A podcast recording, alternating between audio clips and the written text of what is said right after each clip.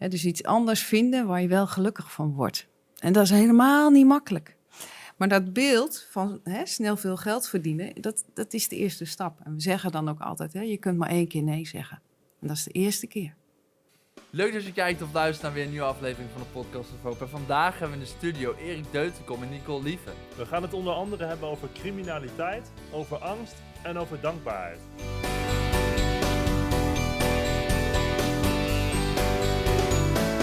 Podcast of Hope, moving towards happiness.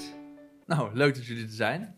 Ehm, nou, wellicht willen jullie jezelf voorstellen aan iedereen die luistert. Uh, nou, wie jullie zijn en wat jullie doen. Ja, dat kan. nou, luisteraars, ik ben uh, Nicole Lieve. Ik werk bij de politie, landelijk programma gebiedsgebonden veiligheidszorg. En ik ben een soort grenswerker. Ik uh, werk samen met landelijke partijen in de sociale werk, uh, jongerenwerk, uh, HALT en lokaal in de wijken. Oké. Okay. En ik ben Erik van Deutenkom, werkzaam ook bij de politie in Arnhem. En mijn functie op het moment is dat ik de afdeling intake en service leid van het bureau in Arnhem, waar mensen binnenkomen en daar vinden al onze werkzaamheden plaats. En voor de rest dan, uh, als ik tijd heb, dan uh, ga ik met studenten de straat op. Of ik doe nog andere werkzaamheden die met politiewerk te maken hebben. Ja, nou. Is geluk iets dat, dat, dat je terugvindt in politiewerk? Of, of houden jullie daar rekening mee? Of, of bewust dan wel onbewust?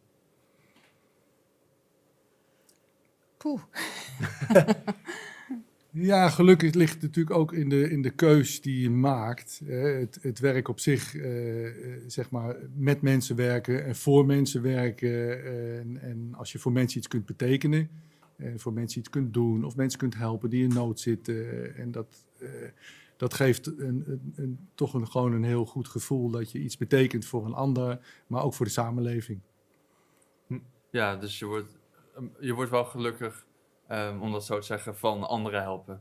Ja. Ja. En kun je ook ongelukkig worden van bijvoorbeeld dingen die je meemaakt op werk? Want ik neem aan dat er best wel ook heftige dingen gebeuren. Uiteraard. Ik, in, in 40 jaar dat ik bij de politie werk, dan uh, zijn natuurlijk heel veel dingen gebeurd. En er zijn natuurlijk ook hele verdrietige dingen gebeurd. Hè? Uh, ernstige ongevallen, kinderen die uh, verongelukken of sterven. Uh, mensen die, uh, die je moet reanimeren en het gaat niet goed, waar gezinnen bij zitten. Uh, dat zijn natuurlijk dingen die, die bijna bij niemand in de koude kleren gaat zitten, zeg maar. Dus dat, zijn, dat is niet dat je daar nou weer gelukkig van wordt. Maar daarnaast kun je op, op zulke momenten best ook iets voor mensen betekenen. En steun bieden. Mag ik een voorbeeld noemen? Ik ben ja, ooit eens bij, uh, uh, bij de zelfdoding van een kind geweest. En uh, op het laatste moment was ik bij het sterven van dat kind. En ehm, voor de ouders, achteraf was het heel belangrijk om te weten wat er precies gebeurd was. Dat hebben ze verschillende keren gevraagd. Ik heb het ook verschillende keren uitgelegd. En later gaven ze ook aan dat dat heel veel steun gegeven had. Dus ja. in die zin kun je ook op, op dat vlak, hoe verdrietig het ook was, uh, toch iets betekenen voor mensen. Ik kan me wel voorstellen dat dat je wel verandert op een bepaalde manier, toch? Door dat soort heftige dingen mee te maken. Ja, dat mag ik wel zeggen. Als, ja. mens, uh, als mens heeft het mij zeker, uh, het heeft me verrijkt. Hè? Je, je, ziet ook uh, de betrekkelijkheid van dingen leer je ook inzien. Hè? Zeker als je jong begint en gaandeweg leer je dat inzien.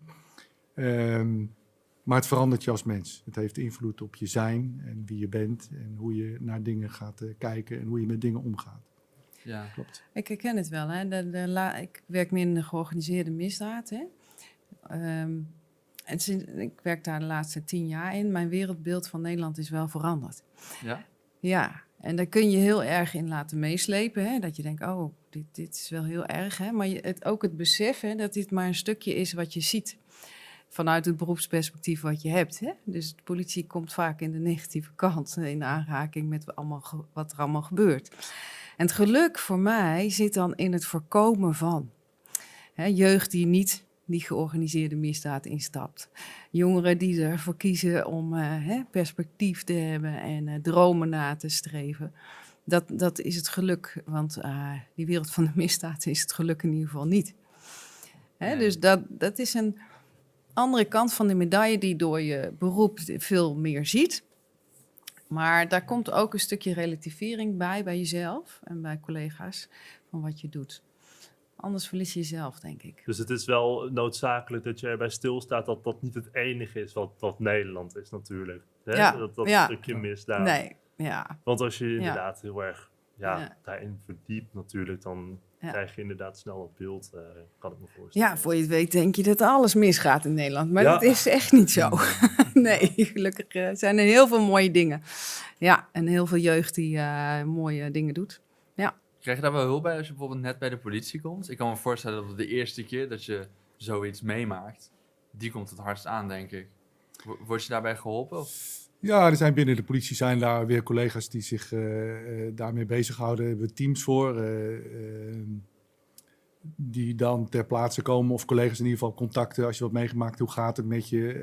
We houden elkaar ook in de gaten. We beseffen heel goed als je wat langer bij de politie werkt en jonge collega's maken iets mee, dat, dat dat invloed op hun heeft. Dus die houden we wel in de gaten. Wat doet het? En dan Ja. kunnen we allemaal wel stoer doen, maar we zijn natuurlijk allemaal maar mens. Ja. Laten we dat vooral niet vergeten. Maar word je daar wel weerbaarder voor? Of, of voor dat soort dingen? ja, sommigen Ga je er gewoon wel. op een andere manier mee om? Ja, je, moet daar, je, je zult een plek moeten geven. Hè? Je zult er me- mee moeten leren omgaan. Het is een onderdeel van het werk eh, wat wij doen als politie. En, eh, eh, vind ik ook, Wat, wat ik vooral veel doe, hè, is eh, eh, het laten zien dat dat niet een fijne wereld is. Hè? Hm. Biedt- eh, criminaliteit word je niet heel gelukkig van. Criminelen in Nederland worden ook niet zo oud. Hè? Als je die stap zet, dan, dan moet je altijd achteruit kijken. Hè? Je, je- niemand beschermt je niet meer dan op zo'n moment. Hè? En eh, dat is een heel onveilig gevoel. Eh, en dus juist dat beeld schetsen voor mensen die niet weten wat de wereld daarachter is, biedt hoop en biedt kansen, omdat je ja, in ieder geval niet die wereld in. Ja, En wat is dan de reden dat mensen die wereld ingaan als, als je er niet gelukkig van wordt? Want ik denk dat geluk nastreven een van onze drijfveren is in het leven wellicht. ik denk dat het eh, heel geleidelijk gaat. En ehm, kijk, de eerste keer wordt je wat aangeboden. Hè? En, en, en drugs of wat. En een keer gratis. En de tweede keer zegt hij, ja, kun je voor mij een eh, pakketje vervoeren? En de derde keer, eh, nou, gaat het wat verder. En de vierde keer, dan wil je eigenlijk niet meer. Dan heb je wel eh, veel geld verdiend, vind jij dat het wel klaar is. Maar ja, nou ken ik jou. En ik ken je moeder. En je weet waar je woont, et cetera. En dan begint het bedreigen. En dan begint het manipuleren. En dan voel je je heel onveilig. En dan is er niemand meer die je beschermt. Dus je komt in een hele onveilige situatie eh, te zitten. Maar dat heb je in het begin niet door. En je hebt het vooral voor jongeren nu, denk ik, toch? Ja, ja, ja. Maar ja, weet je, het, zit een, ook loverboys en zo. Is met een ander argument eh, kom je ergens in en ga je dingen doen die je eigenlijk niet wil. Want je denkt te gaan voor het snelle geld. Maar daar zit onveiligheid gelijk bij. En dat is niet zo duidelijk vanaf het moment. Eh, vanaf het eerste moment. Nee. Ja, en de consequenties, hè? Wat, eh, wat ik op het bureau veel zie, waar wij veel aangiftes van binnen krijgen, zijn van jongelui die bijvoorbeeld hun, eh, van jongeren die hun bankrekening uitlenen. Hè, die komen iemand tegen en die willen dan wat geld erop storten. Zeggen, nou, als ik even je rekening mag gebruiken, hier heb je 50 euro, hier heb je 100 euro. Nou, dat is, klinkt natuurlijk heel aantrekkelijk. Ik hoef alleen even je bankrekening en dat haal ik er ook weer af. Hè, En later, na onderzoek of op sommige momenten blijkt dat dan om eh, geld te zijn wat niet helemaal zuiver is. En zij hebben de problemen. En dan komen ze aan het bureau en er zitten enorme consequenties aan vast. Ja. Hè, dus ze hebben één gelukzalig moment van, nou ik heb 100 euro, ik kan wat leuks doen, ik kan een paar mooie sportschoenen halen of ik kan iets anders halen. Hè, en en de, de problemen beginnen als, eh, zeg maar als het onderzoek komt door de politie. En zij worden geblokkeerd door de bank. Ze kunnen jarenlang geen bankrekening gebruiken. Ze krijgen later problemen met hypotheken. Nou, er zit van alles zit eraan vast. ja. Dus dat gelukmoment, geluksmoment is, kan heel snel eh, verdampen. En wat, Ja. wat een mooi verhaal is, een oud crimineel, eh, grote, grote boef zou ik zeggen, Joop, we noemen hem even Joop.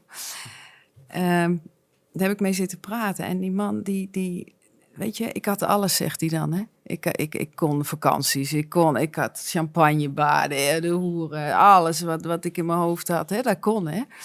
Maar van de honderd mensen, vrienden die hij toen had, hè, leefden er nog eh, vijf. Ja. 80% is, is dood, of door geweld, of door drugs zelf. Hm. 15 eh, zitten er in de bak en vinden het prettig hè, om veilig daar te zitten. En vijf, zoals Joop, hè, die heeft zich bekeerd. Hè, voor hem was het eh, de kerk en het geloof. Hè, dus iets anders vinden waar je wel gelukkig van wordt.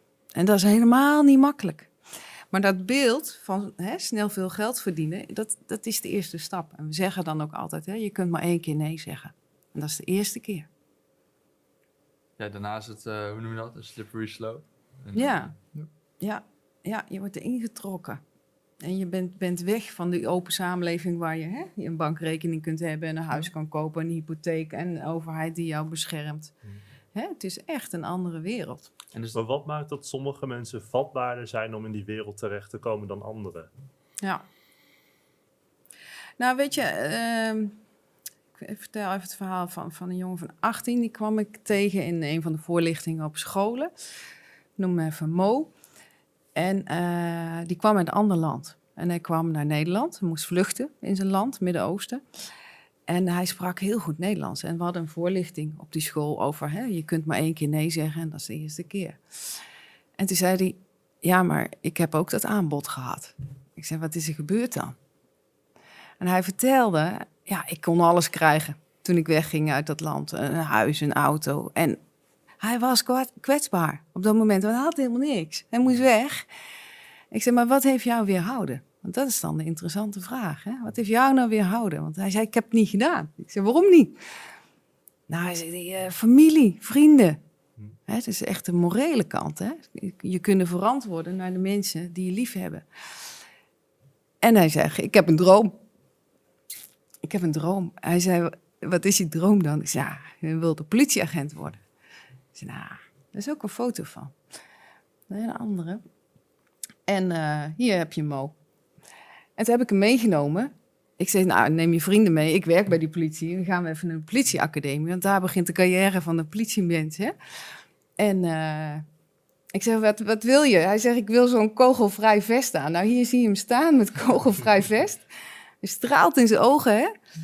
Maar deze jongen heeft niet makkelijk. Die komt in Nederland, hè? En eh, die, die, die heeft dan allerlei aanbiedingen gehad. En ook toen we bij de wapenskamer stonden, toen zei hij, daar weet ik heel veel van. En dat snapte ik wel.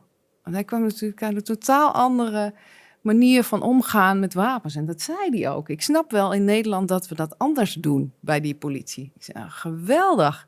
Ja. Hij is echt mijn held. Dus over wat weerhoudt je, hè? Je moet perspectief hebben. Hij had een droom. Ja. En je moet ergens bij horen. En dat kan je familie zijn, dat kan vrienden zijn. Maar dat zijn wel twee hele belangrijke factoren die je weerhouden van die criminaliteit. Het lijkt me wel eens moeilijk om op te lossen. Als het in, ja, in je familiekring zit, ja, hoe los je dat dan op? Als, ja, ja, hoe lossen jullie dat op? Als we erbij betrokken worden, bedoel je? Want we komen natuurlijk nooit achter de voordeur als het eh, buiten ons gezichtsveld Ja. plaatsvindt zonder dat we daarbij betrokken worden als politie. Dan weten we niet wat daar plaatsvindt. Hè. Daarvoor is het ook mooi dat we bijvoorbeeld natuurlijk schoolagenten hebben die op scholen zijn, die jongelui spreken en die jongelui horen. En op die manier kunnen we wel kijken wat er achter de voordeur plaatsvindt en waar we eh, de jongelui bij kunnen helpen of ondersteunen of in ieder geval de weg wijzen. En wat Ja. het natuurlijk is, kijk, dit is een maatschappelijk probleem. Hè? De politie kan dit helemaal niet alleen.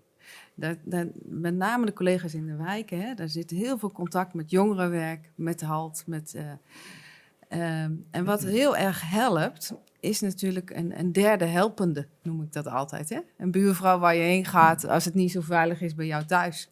Ja. Een docent die even in de gaten heeft hè, wie, de, wie die voor zich heeft. Van die 30 kinderen, die ene die het hartstikke moeilijke thuis heeft. Hè? Of die conciërge die heel goed kan zien wat je doet als je geen les hebt. Hè, dus iemand die jou eh, langdurig, hè, één op één, er voor jou is. Heel vaak als we criminelen spreken, hè, dan, dan, dan is het, het verhaal vaak... er was niemand die er echt voor me was. En dat kan iedereen zijn. En dat is wel echt nodig. En dat, dat kun je organiseren. I- Is dit een modern probleem of is dit altijd al het geval geweest? Ja, misschien in een andere vorm. hè. De vorm verandert, maar de problematiek blijft hetzelfde. Eh, eh, Gehoord worden, gezien worden, eh, dat je er bent, dat je bestaat, dat je hulp kunt krijgen. Dat is natuurlijk iets van alle tijden. Het is niet iets wat nu de, zeg maar de kop opsteekt. Nee, ik, ik herken dat wel van het begin van mijn politiecarrière en nu daarin zit geen, eh, zit geen verschil. Nee. Maar wordt het dan ook niet beter? anders. Kijk, er zijn natuurlijk wel heel veel eh, goede initiatieven hè, voor, voor eh, ik noem maar wat, de ontwikkeling van de kindertelefoon. Ik noem maar even Ja. een voorbeeld. Hè, dat eh, was in mijn tijd ondenkbaar dat zoiets bestond. En dat is toch uiteindelijk in, in de maatschappij eh, gekomen. Dus wa- waar kinderen gehoord kunnen worden. Eh, op scholen wordt natuurlijk veel meer aandacht aan besteed. eh, de maatschappij is denk ik wat opener geworden. Jongelui praten wat makkelijker. Soms niet altijd, maar vaak ook wel over dingen. Eh, De communicatie tussen jongeren is wat anders als, eh, als in onze tijd. Maar eh, ze praten veel met elkaar. Dus ja, dat, dat, eh, dat is er wel. Want ik zou me bijvoorbeeld ook voor kunnen stellen dat eh, vroeger waar eh, eh, bijvoorbeeld een moreel eh, framework zoals bijvoorbeeld het christendom of zo nog iets meer aanwezig was met uitspraken als gij zult niet stelen en zo, dat dit soort problemen wat minder, eh, ja, dat dat, dat, wat min, dat dat wat minder was. Nou, kijk, dat erbij horen was vroeger wat duidelijker. Ja. Je hoorde bij die Ja, nee, kerk of bij die ja. kerk of bij, hè. En eh, nu heb je daar heel veel verschillende vormen van, hè. Het is, maar die basis is hetzelfde. Je wil ergens bij horen. De, die voetbalclub of die vriendengroep Mhm. of... Hè. Ehm, en dat is zoeken als je jong eh, bent. Hè? Waar hoor je bij? Juist in die fase is dat heel moeilijk. Hè? Als, als ik kijk, tussen 12 16 jaar zien wij niet heel veel jeugd, zou ik maar zeggen. Maar als ze 16 zijn, hè, dan, dan gebeuren daar dingen waardoor ze in het strafrecht terechtkomen. En eigenlijk zeggen we daarvan, dat is, dat is veel te laat. Hè? Er zou een, eh, aan die voorkant veel meer interventie moeten zijn richting de jeugd. Daar iets in te gaan betekenen. In dit proces, waar hoor ik bij? Hm. Hè, en dat perspectief hebben en bieden. En dat is niet de politie. Hè? Dus in Nederland hebben we gewoon het probleem dat te veel jeugd in de strafrecht terechtkomt. Want strafrecht gaat alleen maar over vergelding. Dat heeft niks met herstellen te maken en met perspectief en met erbij horen. Nou, dat gat daartussenin, daar eh, moet iets gebeuren. En ik ben blij hoor dat, dat jongerenwerken en jeugdwerken en, en, en de weerbare maatschappij is wel steeds meer een thema aan het worden hoor. In eh, de politiek ook. Eh, maar we hebben het heel lang verkwanseld. Hm. Ja, En toch merk je, je zegt dan op een gegeven moment dat gat van, van de ouderen van 16 daartussen zie je niet. Maar je ziet natuurlijk wel de maatschappelijke ontwikkeling op het moment dat je natuurlijk steeds Ja. meer jongere mensen ziet. Met, eh, kijk maar naar de steekincidenten, eh, die echt, eh, waar kijk ik met verbazing naar en lees ik dat. Hoeveel steekincidenten met jongeren die met wapens rondlopen. eh, en en eh, bij het minste geringste conflict, wat vroeger met een klap werd opgelost of een fikse vechtpartij, Ja. wordt nu met wapens beslecht. Met enorme gevolgen. Hè, die we dan zien dat er zelfs dodelijke slachtoffers bij vallen. Jonge, jonge mensen die elkaar neersteken. Dat is nogal wat. Ja, Dus je ziet daar wel een verschuiving in. in, in eh, Ja. waar dat nou precies mee te maken heeft. Of dat nou met films of, of eh, andere ontwikkelingen in de wereld. Of, of dat het geweld veel dichterbij komt. Dat weet ik natuurlijk ook niet. Maar het is wel iets wat, wat zorgen baart. En waarvan je zegt. Plus dat je ze natuurlijk dan ook in die, eh, in die, in die, in die strafrechtelijke keten trekt. Met alle gevolgen voor dien voor de rest van hun leven. Ja. Dat moeten we niet onderschatten. Daar moeten we echt op tijd op insteken. En, en daar, Ja. Daar echt veel aandacht aan besteden. Ja. Ja, er zit, eh, denk ik, misschien wat meer angst. En angst is, eh, dan ga je bewapenen. Hè, Het is vaak het argument, hè? Eh, Jantje heeft een wapen, ja. dus ik ga nu ook, hè? Ja, ja. En eh, angst leidt tot geweld. En da daar moet een tegenantwoord op zijn. Hè? in- dat antwoord weten we nog niet. Nou, weet jij het? Wat zou het ik- antwoord ik kunnen zijn? Nou ja, wat je Nee. hoort van jongeren, Ja. als je ze spreekt in, in Ja. die geweldsituaties, in, dan, Ja. dan is het vaak, ja, maar ik, ik ben bang. En als je dan gaat doorvragen, waar ben je dan bang voor? Is het eigenlijk ongrijpbaar voor ze. Het is, het is een, een, een idee in hun hoofd en Ja. bedreigend en andere en, en groepjes. En, eh, ja, en dan, dan moet je een wapen hebben. Dat is ook iets, wat- dat geeft in, in, eh, bij sommigen ook een status. Je hebt een mes op zak en dat zijn grote messen soms die ze bij zich hebben. Geen zakmesje. Bijna zwaarder. Ja, ja, ja, echt hoor. Dat zijn enorme dingen. Wat eh, denk je van, goh. eh, maar dat geeft ook status op school. Dat geeft hè, de macht. Anderen zijn bang voor je, want hij heeft een mes. Dus dat zijn natuurlijk allemaal processen die ook, eh die En ook weet je, als je dan naar de gevolgen kijkt, die zijn voor de jongelui niet te overzien, hè? Nee. Want het is heel ernstig. Het is net als je je bankpasje een keer uitlevert, maar op het moment dat je met die mes iets gaat doen, dan, dan gaat er heel veel gebeuren. Ja. En vaak gaat het om, nou ja, ruzietjes. Dat ik denk, nou jeetje, Mina. Hè? Eh, en, en, en doordat je een wapen hebt, heb je niet altijd, het gebeurt niet altijd in controle. En ehm, dat, dat is natuurlijk heel ernstig. En dat helpt allemaal niet. Nee. Ja. Maar waar zijn de ouders dan bij dat soort kinderen? Vraag ik me dan af. Ja. ik met jou. Ja, ja. Ja, wat, wat ik hoor en ervaar is dat er ook een bepaalde categorie ouders die zeggen, waar maken jullie druk om? Hè? Eh, houden, waarom eh, gaan jullie niet de echte boeven vangen? oh ja. En eh, ja, dan heeft hij een mes bij zich en zo wat. Maar eh, ook, ook soms ouders overzien niet de gevolgen die het kan hebben als die kinderen in een conflict raken en daarna grijpen. En, en slachtoffers maken het gezin natuurlijk zelf wat het overkomt, hè, waar het slachtoffer bevalt. Maar ook in hun eigen gezin heeft een enorme impact. Ja, het is eigenlijk bijna niet- niet- dezelfde onwetendheid als bij Ja, kind soms, ja, ja. of het valt wel mee, of eh, nou, het is zo erg Mm. niet. Hè, dat bagatelliseren soms van de ernst van, eh, van zaken is wat we toch wel bij de politie regelmatig tegenkomen. ja. Ja, ik kan me niet voorstellen eigenlijk dat je ja, in, in, in zo'n angst dan leeft. Dat je gewoon met wapens naar school moet Ja. gaan. Ja, dat is, ja, voor mij is dat heel ver van mijn huis af natuurlijk. Ja, nee, maar ik snap het. Dat, Ja. dat- ik begrijp je volkomen. Maar ik zeg, een stuk status speelt ook mee. Hè. Eh, Kijk maar naar kinderen, hoe zijn ze gekleed? Eh, het, het geluk hangt soms af van welke schoenen je aan hebt, of wat voor shirt je aan hebt, of wat voor merkje je hebt. Ja. Daar hangt voor een heleboel, eh, lijkt het geluk daarvan af te hangen. Hè, Totdat ze tot ontdekking komen dat geluk daar niet van afhangt. Of van macht. Ik word heel gelukkig als iedereen bang voor me is. Ja, waar, waar komt dat vandaan dat je zo wil zijn? Is dat je eigen onzekerheid? Is dat je misschien zelf bang bent? En ja, dat zijn natuurlijk interessante onderzoeksobjecten. eh.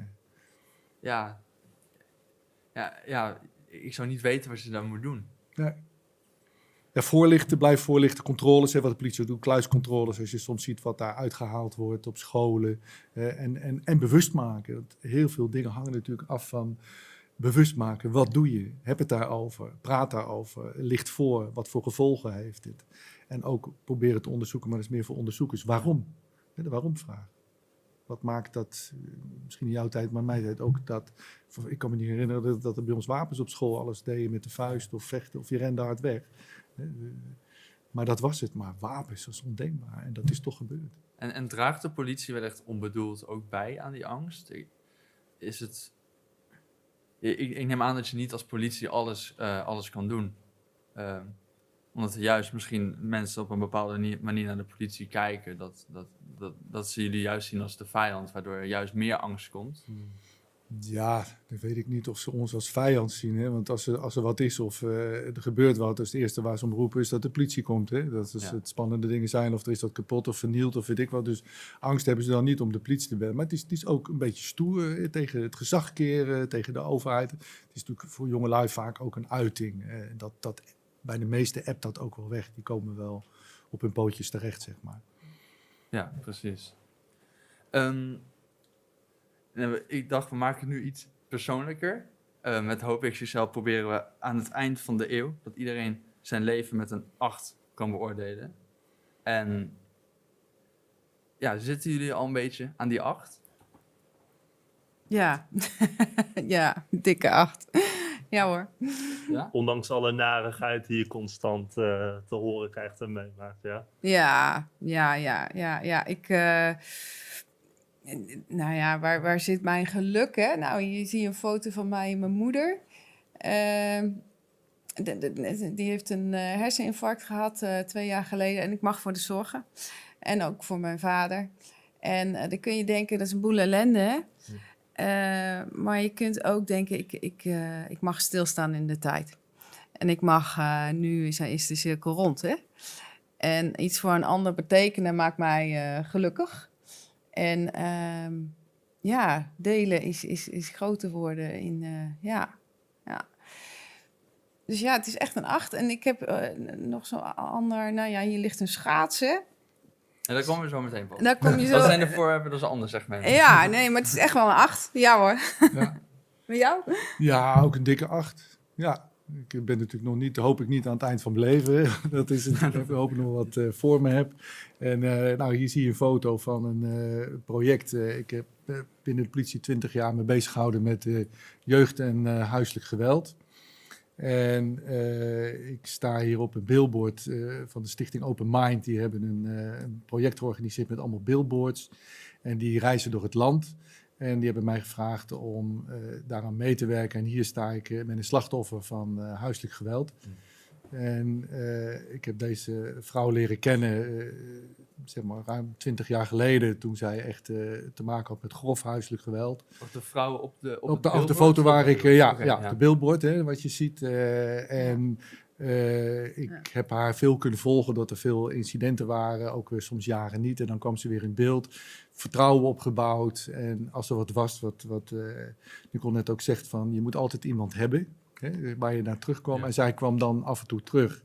En uiteindelijk heeft ze zich daaruit ontworsteld, uit die eh, gewelddadige relatie. Ze heeft de studie opgepakt. Ze heeft eh, uiteindelijk bij, bij de Movira is ze eh, werk gaan doen met slachtoffers van huiselijk geweld. En eh, ja, dat, dat, dat vind ik mooi. Ja. Weet je? En de hoop, die, ze heeft ook ondertussen kinderen, eh, had ze dan wel met die meneer die haar eh, geweld tegen haar uitoefende. En, maar ze heeft zich daaruit onttrokken. En heeft iets neergezet. Kijk, de schade blijft, de krassen kun je niet wegnemen, hè, wat daar is gebeurd in dat leven. Maar hier staat zij. En dat vind ik mooi. Dat, dat is, Ja. dat, dat, en dat, daar spreekt hoop uit. Ja. Dat je altijd, en dat is ook de boodschap die wij toen uitdroegen, eh, is van dat je, dat je altijd een keuze hebt om eruit te kunnen stappen. Met hulp van, hè, soms, maar er is altijd wel hulp. En je ziet hem op de foto eh, met Karin Bloemen staan. Oh, die ja. heeft ook aan dat is Karin Bloemen. Ja, Ja, ik zat Ja. op te denken. wie ken ik, ken ik die mevrouw? Ja, dat is eh, Ja, we Karin Bloemen. op Karin Bloem, maar ik dacht, Ja. misschien is het uw vrouw of zo. Nee, nee, nee, Karin Bloem is niet mijn vrouw. Maar, Karin. Ja, nou, die hebben daar, eh, dit was in eh, Alkmaar waar de tentoonstelling was. En eh, daar was zij ook, heeft ze een verhaal gehouden, heel inspirerend en heel open over wat haar is overkomen. En nou goed, we kennen haar natuurlijk en Ja. je ziet wat, wat dat brengen kan als je, en met alle bagage die ze heeft, dat zij zo een krachtige vrouw geworden is. Ja, en daar ook over, open over en daar open over, dat is natuurlijk heel belangrijk, open. Hè? En, en, en, en ook een rolmodel zijn. Geef hoop aan andere mensen, want er waren daar op al die billboards staan bijna allemaal slachtoffers van huiselijk geweld. Ja. En dat is de hoop die je dan geeft naar anderen. Hè, Die daar langs liepen, het lazen, eh, reacties die er kwamen van mensen die ook eh, Ja. slachtoffer waren. Want het is natuurlijk een groot probleem. En wat ik ook mooi vind wat u zegt, is dat ja, u helpt haar dan in die situatie en nu helpt zij ook andere slachtoffers. Ja, prachtig. Ja. Ja, dan hopelijk krijg je een soort van... eh, Ja, maar zij spreekt de taal dan ook. Hè? Want je moet natuurlijk niet vergeten, als je niet weet, zeker in dat huisgeweld, als je niet weet wat het is. En je- slachtoffers hè, die zijn heel, ook naar de politie toe heel voorzichtig, heel afwachtend van ja, hè, wat gaat er gebeuren? En, en zij spreekt de taal van de slachtoffers. zij, weet, zij weet wat ze. Ja, enorm empathisch vermogen. En, en eh, Karin Bloemen ook natuurlijk. Ja. Ja. En dit zijn wel momenten waar gelukkig... Of momenten, dit zijn ja, redenen waar u... Dat vind ik mooi. Dat vind ik echt, eh, ja. En, en de andere slachtoffers, ik heb een aantal slachtoffers die ook op het billboard staan gesproken. En dan hoor je hun verhaal. En eh, dan denk je, ja, weet je, eh, uit ontworstelen als kind dit meegemaakt hebben. En, en dan daaruit kunnen stappen en dit, dit doen. En laten zien hoe wat erover praten. Anderen inspireren om ook vooruit te komen. Om te proberen daar een eind aan te maken. Ja, Ja, dat vond ik echt, vind ik echt heel mooi. Ja. Jullie, jullie zeggen ik geef een 8. Eigenlijk jullie zeggen allebei geef een 8. Ehm, zijn er momenten in jullie leven geweest waar, waar je echt kon zien dat dat cijfer omhoog is gegaan? Dat je bijvoorbeeld op een 7 zat en dat het opeens naar een 8 ging? zijn echt ja, life-changing Ja. momenten geweest. Nou, misschien herken je wel zoiets. eh, dit is eh, een foto wat we nu zien eh, eh, van mijn kleindochter. Ja, eh, is natuurlijk als er een, een, een, een nieuw wezen geboren wordt en eh, je kunt daar zo de rol als opa. Ik ben natuurlijk politieman, maar ik ben ook eh, vader en ik ben ook opa. Dan, dan eh, ja, dat is natuurlijk prachtig. Dat is dat een tien. Ja, Ja, is echt, eh, weet je, zo onschuldig, zo open, zo, zo ja, volkomen puur. Dat is echt, eh, Ja, dat, dat, Ontroerend mooi hoor. dat opaschap, dat, eh, dat vaderschap, dat moederschap voor mij, hè? dat is echt Dat wel life-changing, ja. Ja, ja, ja. Hè, dat, eh, ja, hier zie je mijn koters.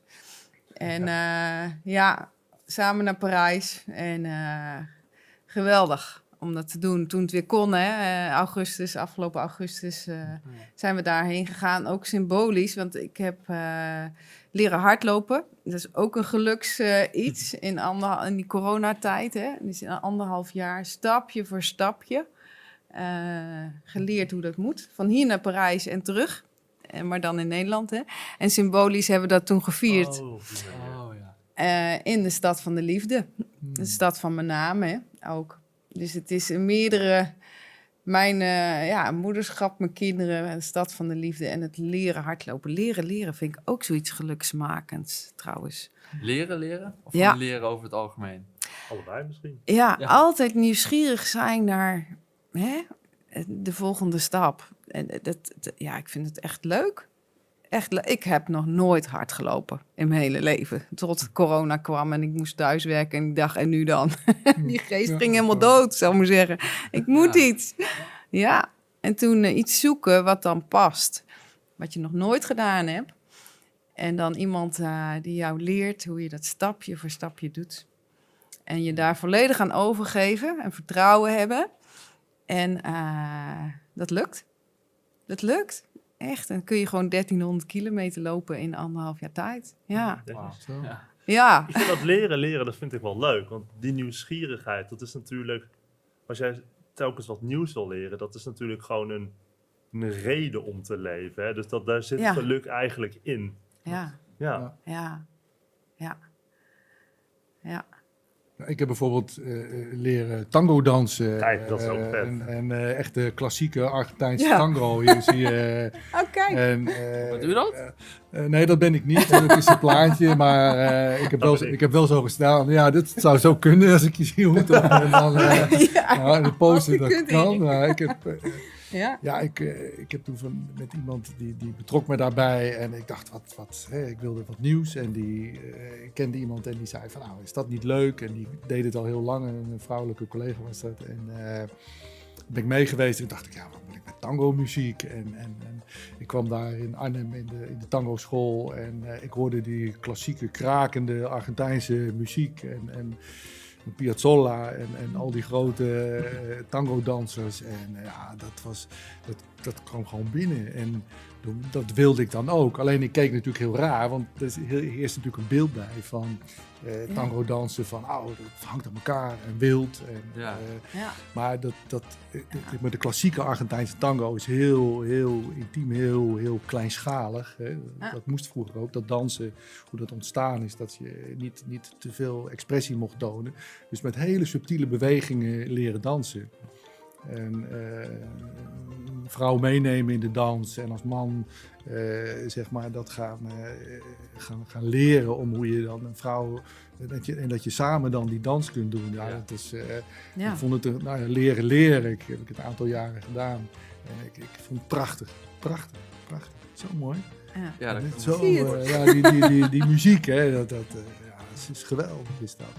Maar beeld, maar over beeldvorming is dat mensen denken, oh, weet je wel, hangt tegen elkaar. En Ja. eh, dat is, eh, Ja. het is, het is, als je filmpjes op YouTube kijkt van, van oude Argentijnse dansers die, Ja. ja, die dan die bewegingen Volgens mij kun je er maken. over eh, praten. Ja. Wat zeg je? Volgens mij kun je hier Ja, doen we uren ander over kind. Ja, ja, ja. Maar goed, dat is leren, leren. Ik heb dat, ik heb dat Ja. geleerd. Dat, eh, ik vond, dat, eh, ik vond Ja. het heel mooi. Ja, Ah. ja, ben ik heel blij mee dat ik dat heb gekund. Ja, en ik denk dat het ook Ja. natuurlijk anders is om het te zien en dan ook om het te doen. Ja, ja, tuurlijk. Ja, ja, om het te voelen.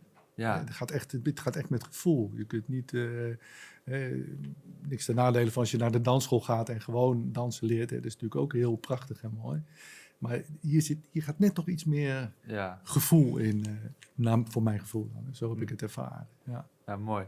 Ja, en als je dat dan hebt gevoeld, dan kijk je er vervolgens weer op een andere manier naar, natuurlijk, Ja. als dat je daarvoor deed. Ja. Ja, uiteraard. Eerst dacht ik van, eh, nou, moet het nou zo om elkaar hangen en zo tegen elkaar. En wat is dat? En is Ja. dat wel veilig? Hè? Want dat is natuurlijk ook iets. En, eh, maar in die dans is dat veilig. Is dat echt, eh, ja. Nou, en dat mooi. moet je leren, leren, Ja. leren. Ja, mooi. Het levert ook eh, dankbaarheid op, hè? Dankbaar dat het iets, iets lukt. En dat het dat de vreugde is en dat je dat, je dat leuk vindt. En ik, ik vind het elke keer weer leuk om iets nieuws te leren. Hè? Mijn loopbaan was van kleuterjuf tot de georganiseerde misdaad. Ja, dat heeft alles met leren leren te maken. Hè, dan is die politie, die heeft alle smaken. Het is een soort snoepwinkel waar je in terecht kan. Hè? En dat is, dat is niet... dat- Ja, dat creëer je ook zelf of zo. Hè? Van, eh, elke keer zag ik weer iets en denk ik, oh, dat is ook leuk. En eh, ja, Maar dat zijn dus die keuzes hè, die je Ja, hebt. eh, pak ja. je het op. zijn natuurlijk ook eh, Ja. binnen de politie mensen die zeggen... nou, ik vind het goed, ik ben tevreden. Ik, ik, Dit is een mooie baan, ik ben gelukkig op dit stuk, op dit stuk. Maar er zijn natuurlijk ook anderen die zeggen... hé, hey, dit komt voorbij, hier kan ik me ontwikkelen. Hier kan ik verder groeien. En eh, dit trekt mij meer. De een dit mij verkeer, de ander is jouw vak. De ander is het huiselijk geweld gebeuren. Dus ja, weet je, er zijn mogelijkheden zat. Dus, Ja. kun je elke dag doen. Hè? Iets nieuws leren.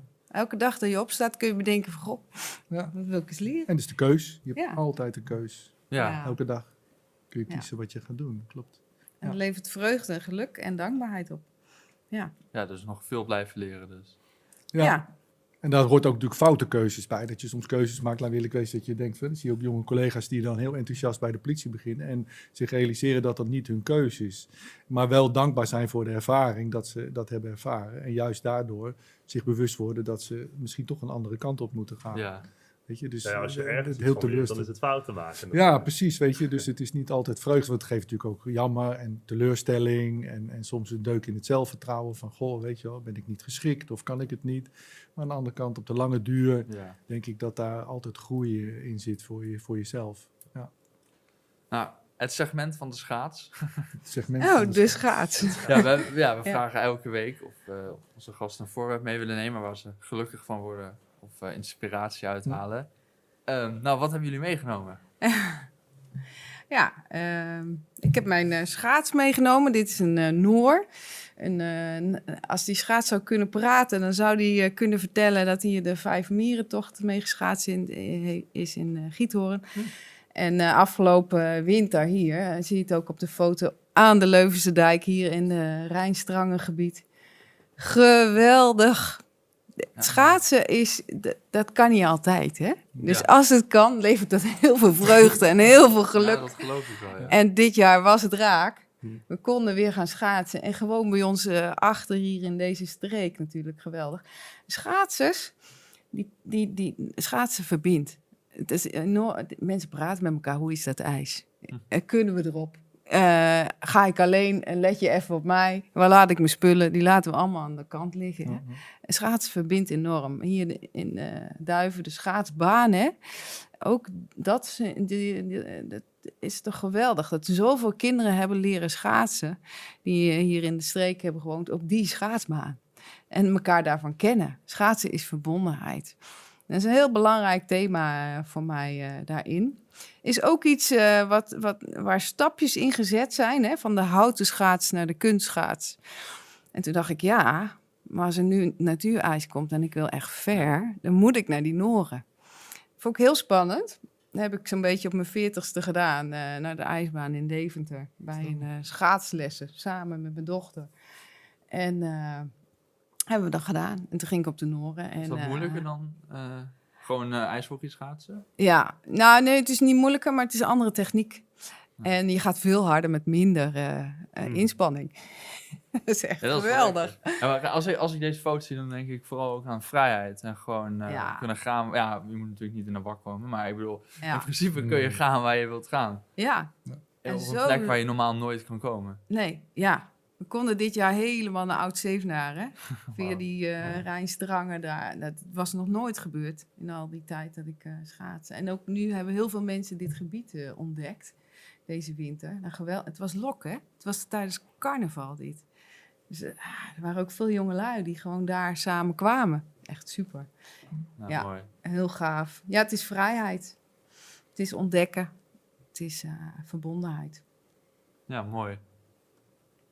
En wat heeft u meegenomen? Ik heb hem niet meegenomen, ik heb hem toevallig thuis gelaten, dat is jammer genoeg. Maar ik had Oh. een Boeddha-beeldje meegenomen. Oh, ik dacht dat dit het Nee, dat was het niet. Nee, nee, het was, mijn, Oh, dat is een Boeddha-beeldje. En dat, dat kies ik dan uit, omdat eh, zo, zo'n, je hebt hele mooie, je hebt natuurlijk eh, honderden bij de Action staan, maar je hebt ook hele Ja. bijzondere. En eh, ik heb een paar bijzondere. En, en wat ze voor mij uitstralen is, is de rust. Hè? Het zitten en het symboliseert voor mij de reis naar binnen. Naar je innerlijke wereld. Hè? Wa- Wat we allemaal doen is buiten. Maar je hebt ook nog een eh, innerlijke wereld. Ja. En, en de rust die dat geeft, zo'n beeld die daar zit. Gewoon zit, zitten, zitten, zitten zijn. Hè? Zoals ze dat dan noemen. Ja, dat, dat vind ik prachtig om, eh, om te zien. En dat stimuleert mij ook. Hè? Want ik moet ook af en toe, als ik uit de hectiek kom van mijn werk, moet ik ook af en toe even terug naar, eh, naar mezelf. Ja, dan zie je dat beeldje en denk ik even... Ja, even, eh, weet je, wat herinnert altijd aan dat er ook nog iets meer is als eh, de, de drukke buitenwereld. Ja, precies. Ja. En mediteert u ook dan? Soms, ja, niet altijd. Ik heb niet altijd de rust daarvoor, maar het gewoon het kijken en het zitten. En ik, maar bijvoorbeeld dit, hier, dit is Oh, wow. een beeld uit afgelopen zomer aan het Como-meer. En ehm, daar waren heel weinig mensen op het, op het hotelletje waar we waren. En dit, hier liep je de kamer uit en dit was het. En daar kan ik, daar kan ik heel lang zitten. Uren, dat is, ik hoef niet mijn ogen Ja. dicht te doen of op te stijgen, maar gewoon dit beeld hè, en, en realiseer de, Ja. de, de, de, de rust van het water en de bergen die er altijd zullen zijn, altijd waren voor mijn tijd Ja. en straks er ook nog zijn als ik er niet meer ben. En daar andere generaties naar kijken en nu al naar gekeken hebben. Ja, dat, dat, daarover kan ik heel lang nadenken. En, Ja, eh, ik vind het een enorme schoonheid eh, zo. En ik realiseer me, dat, dat maakt me heel gelukkig dat ik daar mag zijn. Ja, Dat ik daar mag zitten en dat ik dat mag zien en ervaren. Dat, dat vind ik, eh, ja, dat vind ik, daar ben ik heel dankbaar voor, zeg maar. Ja, dus natuur is voor ook wel een bron van geluk, Ja, van rust en zeker. daarom geluk. Ja, ja, ja, ja, ja. En datzelfde als ik in besneeuwde bergen ben. Hè, ik, ik, eh, ik ski dan een beetje, heb ik ook geleerd. was ook iets wat ik eh, leren leren. Ik had, ik denk, van, toen ik ging leren, was ik, hoe oud was ik? Eh, Eind 50 of zo. En dan stond ik op de skis in zo'n jong groepje met allemaal jonge mensen. ja. Ook iemand, iemand nam mij mee naar skiën. Ik denk, wat moet ik... Ik denk, wat, wat een gat en hoe kan ik dat? En, eh, maar dat leren, leren en te doen. En dan in, in, op een gegeven moment in, in een flow naar beneden gaan na een aantal jaren. eh, les krijgen en eh, Ja. vallen en opstaan letterlijk. En dan op een gegeven moment in zo'n flow komen. Iedereen die skiet zal dat ervaren. Dat je dan ergens inkomt. Als je naar beneden gaat, jij zult met schaatsen hebben. Als je dan in Ja. die flow komt. Ja. Ja, dat zijn eh, prachtige ervaringen. Dat, Ja. eh, Ja. ja, ik- bijna meditatief. Ja. En dat ik het mag ervaren. Denk van, oké, ik mag dat voelen. Dat vind ik wel eh, vind ik heel mooi. ja. Ja, nou mooi ja. Ja. Nou als afsluiten vragen we altijd of onze gasten een tip hebben voor de mensen die luisteren. Ehm, ja, bij deze hebben jullie nog een tip? Nou, wat ik wel mooi vond in dit gesprek, hè, we hebben het over eh, angst en dankbaarheid gehad. Hè? Eh, en jullie vroegen in het voorgesprek een voorbeeld. En Mandela die zegt daarover, eh, dankbaarheid is de tegenhanger van angst. En ik merkte in onze voorbeelden waar wij blij van worden en vreugde hebben, en het zit veel dankbaarheid. En als je ergens dankbaar voor bent, dat je iets kan leren of eh, eh, lekker aan het schaatsen bent of skiën of eh, weet ik veel wat, dan is er geen ruimte voor angst. En misschien is dat wel een leuke, dat zou ik iedereen wel gunnen die luistert. Ja en zeker de tegenhanger van criminaliteit. Dankbaarheid. Nou, mooi. En ik vind het mooi. Ja, heel mooi ook. En ik, ik zou willen zeggen van... ehm, volg je innerlijke stem. Als, ik, ik merk ook al in gesprekken met jongelui... dat ze ergens, als ze dingen doen die niet kloppen... dat ze weten dat het niet klopt. Dat er allerlei verleidingen zijn om het wel te doen. Dat is, dat, dat is onvermijdelijk. Maar als je weet dat het niet klopt... volg je innerlijke stem bij alles wat je doet. Keuzes die je maakt, met wie je omgaat... eh, welk pad je kiest, die keuze heb je altijd. En volg vooral je stem. En zeker als je weet dat het niet goed is, volg je stem. Want dat is de juiste stem. Nou, top. Mooie tips. Ja. Nou, heel erg bedankt dat jullie hier wilden zijn. Graag gedaan. Ja, Ja. heel leuk om te doen. Ja, fijn. Ontzettend leuk. Ja, Dank jullie wel. dank jullie ook. Leuk dat je keek of luisterde naar deze aflevering van de Podcast of Hoop. Iedere zondagochtend komt er een nieuwe aflevering online op iTunes, Google Podcasts, Spotify en je kan ons zelfs bekijken op YouTube en podcastofhoop.nl. Vergeet ons ook niet te volgen op Facebook en Instagram. En heb je nou een suggestie voor de podcast of wil je zelf een keer je verhaal komen doen? Stuur dan een mailtje naar podcast.hoop-xxl.com. Tot ziens. De wereld waarin we leven biedt nog geen gelijke kansen. Voldoende eten en drinken. Een adequate opleiding, goede gezondheidszorg, vrede en geluk is niet voor iedereen weggelegd. Maar stap voor stap wordt het beter en zijn we op weg naar een octopische samenleving waarin iedereen zijn of haar leven als goed kan beschouwen. Het is een lange reis, maar we zijn op weg. Podcast of Hope. Moving towards happiness.